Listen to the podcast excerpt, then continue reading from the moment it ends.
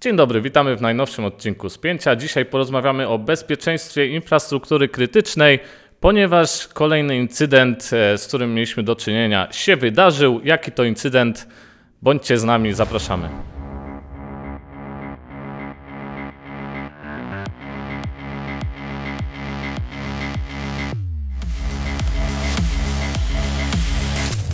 Proszę Państwa, startujemy z najnowszym odcinkiem Spięcia. Ja nazywam się Jędrzej Stachura, pracuję w biznesalet.pl i jest ze mną Marcin Karwowski, redaktor Biznesalet. Dzień dobry Państwu, dzień dobry Jędrzeju.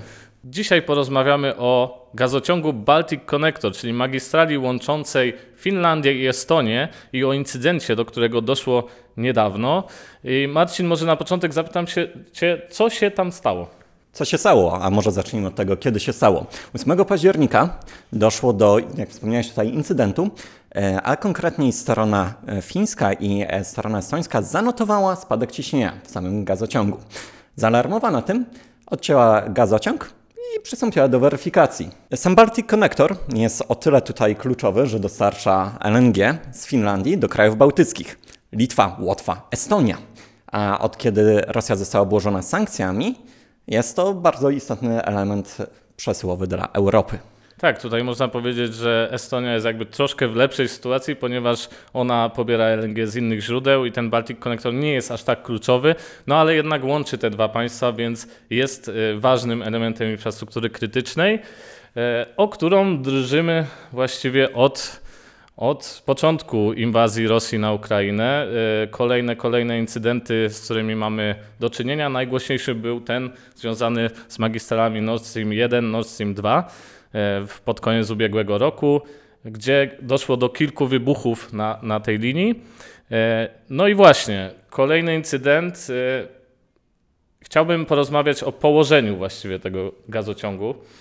Jak wiemy, Zatoka Fińska no to jeśli spojrzymy sobie na mapę, być może Mikołaj, nasz magik tutaj od wideo e, wstawi nam graficzkę, będą mogli sobie Państwo zerknąć. E, ten Baltic Connector przebiega w Zatoce Fińskiej, więc też na wysokości Sankt Petersburga. Strona fińska, która przeprowadza śledztwo z racji na to, że do uszkodzenia doszło w ich wyłącznej strefie ekonomicznej, ustaliła, że do samego uszkodzenia doszło z, z ingerencji zewnętrznej, nawet nieprawdopodobnie ludzkiej. I tu przechodzimy do następnego wątku, czyli statków, które były tam w tej okolicy.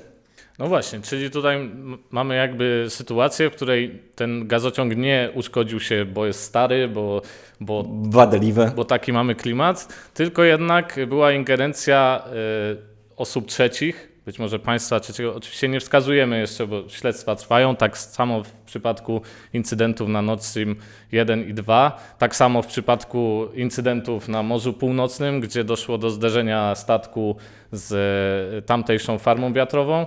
E, to są rzeczy, których było już kilka i to obserwujemy, więc nie wskazujemy kto, bo śledztwa trwają ale e, no, chcielibyśmy zwrócić właśnie uwagę na obecność statków w tamtym miejscu. Chociaż przepraszam, warto wspomnieć, jak tutaj mówimy o podmiotach trzecich, osobach trzecich, że fin e, Finlandia, a konkretnie e, premier Finlandii, stwierdził, że nie wykluczają zaangażowania podmiotu państwowego. Czyli, że nie był to na przykład tak terrorystyczny jakiejś mniejszej grupy, e, grupy ekster ekstremistów, a jest brane pod uwagę, jest brane też pod uwagę możliwość przeprowadzenia sabotażu. Tak, więc w tym miejscu warto zwrócić uwagę na ruchy statków, które były dość ciekawe w tym czasie poprzedzającym incydent na Baltic Connectorze. Otóż e, ja chciałem wspomnieć o dwóch statkach e, rosyjskich, czyli admirał Władimirski i admirał Sibriakow. To są dwa statki oficjalnie badawcze, które e, w tamtym czasie krążyły wokół Baltic Connectora. Co warto też nadmienić, admirał Sibriakow był też podejrzewany o obecność wokół magistrali Nord Stream 1 i 2 przed, przed samymi incydentami. No i właśnie, i jeszcze jest trzeci statek, tak? Tak, SVG Flot, również statek rosyjski, jednakże tu mówimy już o statku transportowym, konkretniej tankowcu, który, jak ustaliła Finlandia, przebywał w tamtejszym rejonie w dniu, w którym stwierdzono uszkodzenie. Mamy więc pewien wątek rosyjski, zwłaszcza, że pojawiły się ze strony Ukrainy ostrzeżenia, że infrastruktura krytyczna, zwłaszcza infrastruktura energetyczna, może być celem ataku Rosji, tudzież sabotażu. Nie wiem, czy wiesz, Jędrzeju, ale nawet wypowiedział się w tym pewien ekspert o międzynarodowej sławie. Który ekspert? Władimir Władimirowicz Putin, który orzekł, że jest to nonsens, a Zachód próbuje odwrócić uwagę od Nord Streamu. To, to jest wyjątkowy ekspert. Zgadza się. Jeżeli Rosja mówi, że tego nie zrobiła, to nie pozostaje nic innego, jak im uwierzyć. Jednakże wątek Nord Streamu jest połączony nie tylko przez to, że w obu przypadkach doszło do uszkodzenia infrastruktury krytycznej, infrastruktury przesyłowej e, na terenie Bałtyku. Sa- 26 września, ile mnie pamięć nie myli, obchodziliśmy pierwszą Pierwszą. pierwszą, pierwszą rocznicę uszkodzenia właśnie tutaj magistrali Nord Stream 1 i 2. Więc tu, tuż po tym doszło do uszkodzenia magistrali fińskiej. No i właśnie, i tutaj chciałbym zwrócić uwagę, bo przecież od, od y, czasu wypadków na Nord Stream 1, Nord Stream 2 rozmawiamy o tym bezpieczeństwie infrastruktury krytycznej, rozmawia o tym NATO, rozmawia o tym Unia Europejska. I mijają kolejne miesiące. Zresztą miesiąc temu były przygotowania, e, które prowadziły wspólnie NATO i Unia Europejska. E, przygotowywały się na wypadek ewentualnego ataku dronów podwodnych, Chodzi ci o ćwiczenia Northern Coast, które odbyły się we wrześniu. Dokładnie o te. No i właśnie, jak widzimy, są ćwiczenia, jest przygotowywanie się do obrony tej infrastruktury krytycznej, ale jednak no, trzeba powiedzieć, że nie są do końca skuteczne, skoro co jakiś czas słyszymy o kolejnych tutaj występkach rosyjskich czy nierosyjskich. No i tutaj, jak widzimy, na pewno jest pole do poprawy. Zgadza się, ale też nie możemy oczekiwać, że zawsze będzie wszystko chronione. Dlaczego? Pamiętajmy, że atak na infrastrukturę krytyczną, takie uszkodzenie, czy tutaj przez państwo potencjalnie wrogie, czy przez jakąś grupę ekstremistyczną, terrorystyczną, jest działaniem bardziej asymetrycznym.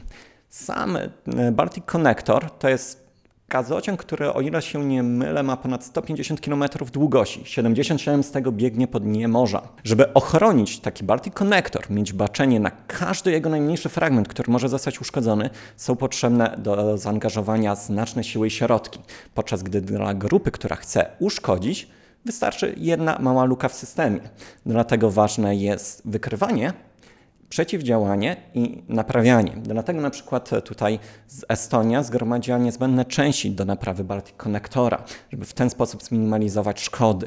Jednakże nigdy całkowicie nie będziemy bezpieczni od takich ataków, co nie oznacza, że nie powinniśmy próbować. Same ćwiczenia, o których mówiłeś, zostały ładnie podsumowane przez niemieckiego wiceadmirała Kaka, który stwierdził, że, Ros- że jest to jasny sygnał dla Rosji, że państwa członkowskie NATO będą się przyglądały i są czujne na wszelkie działania na Morzu Bałtyckim.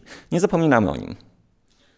No a propos tego e, oglądania Bałtyku, przecież jest wiele systemów, które mają właśnie e, wspierać tą całą ochronę i identyfikację jednostek, które się poruszają po nim.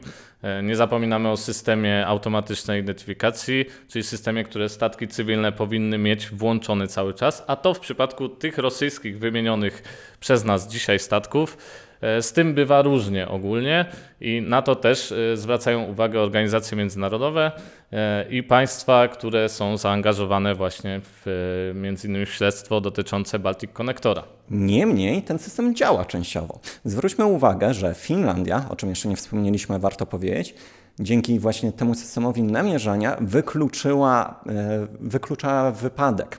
Wypadek tutaj nieintencjonalny, z, na przykład na skutek rzucenia kotwicy przez jeden ze statków ich handlowych.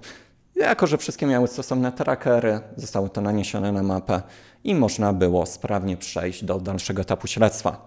Pamiętajmy, że owszem, energetyku pilnuj Bałtyku, ale żeby go pilnować, potrzebujemy nie tylko energetyków, ale i marynarki wojennej. To marynarka wojenna Estonii i Finlandii teraz przeprowadza śledztwo, a raczej wspiera administrację tutaj państwową.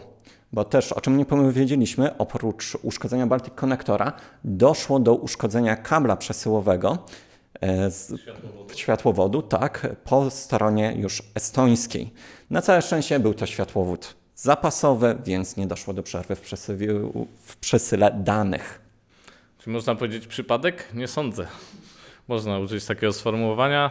Jeśli coś dzieje się w danym stosunkowo małym obszarze jednak, ale na dwóch częściach e, ważnych no, do przesyłu gazu i do przesyłu e, danych. biegnący między dwoma konkretnymi państwami.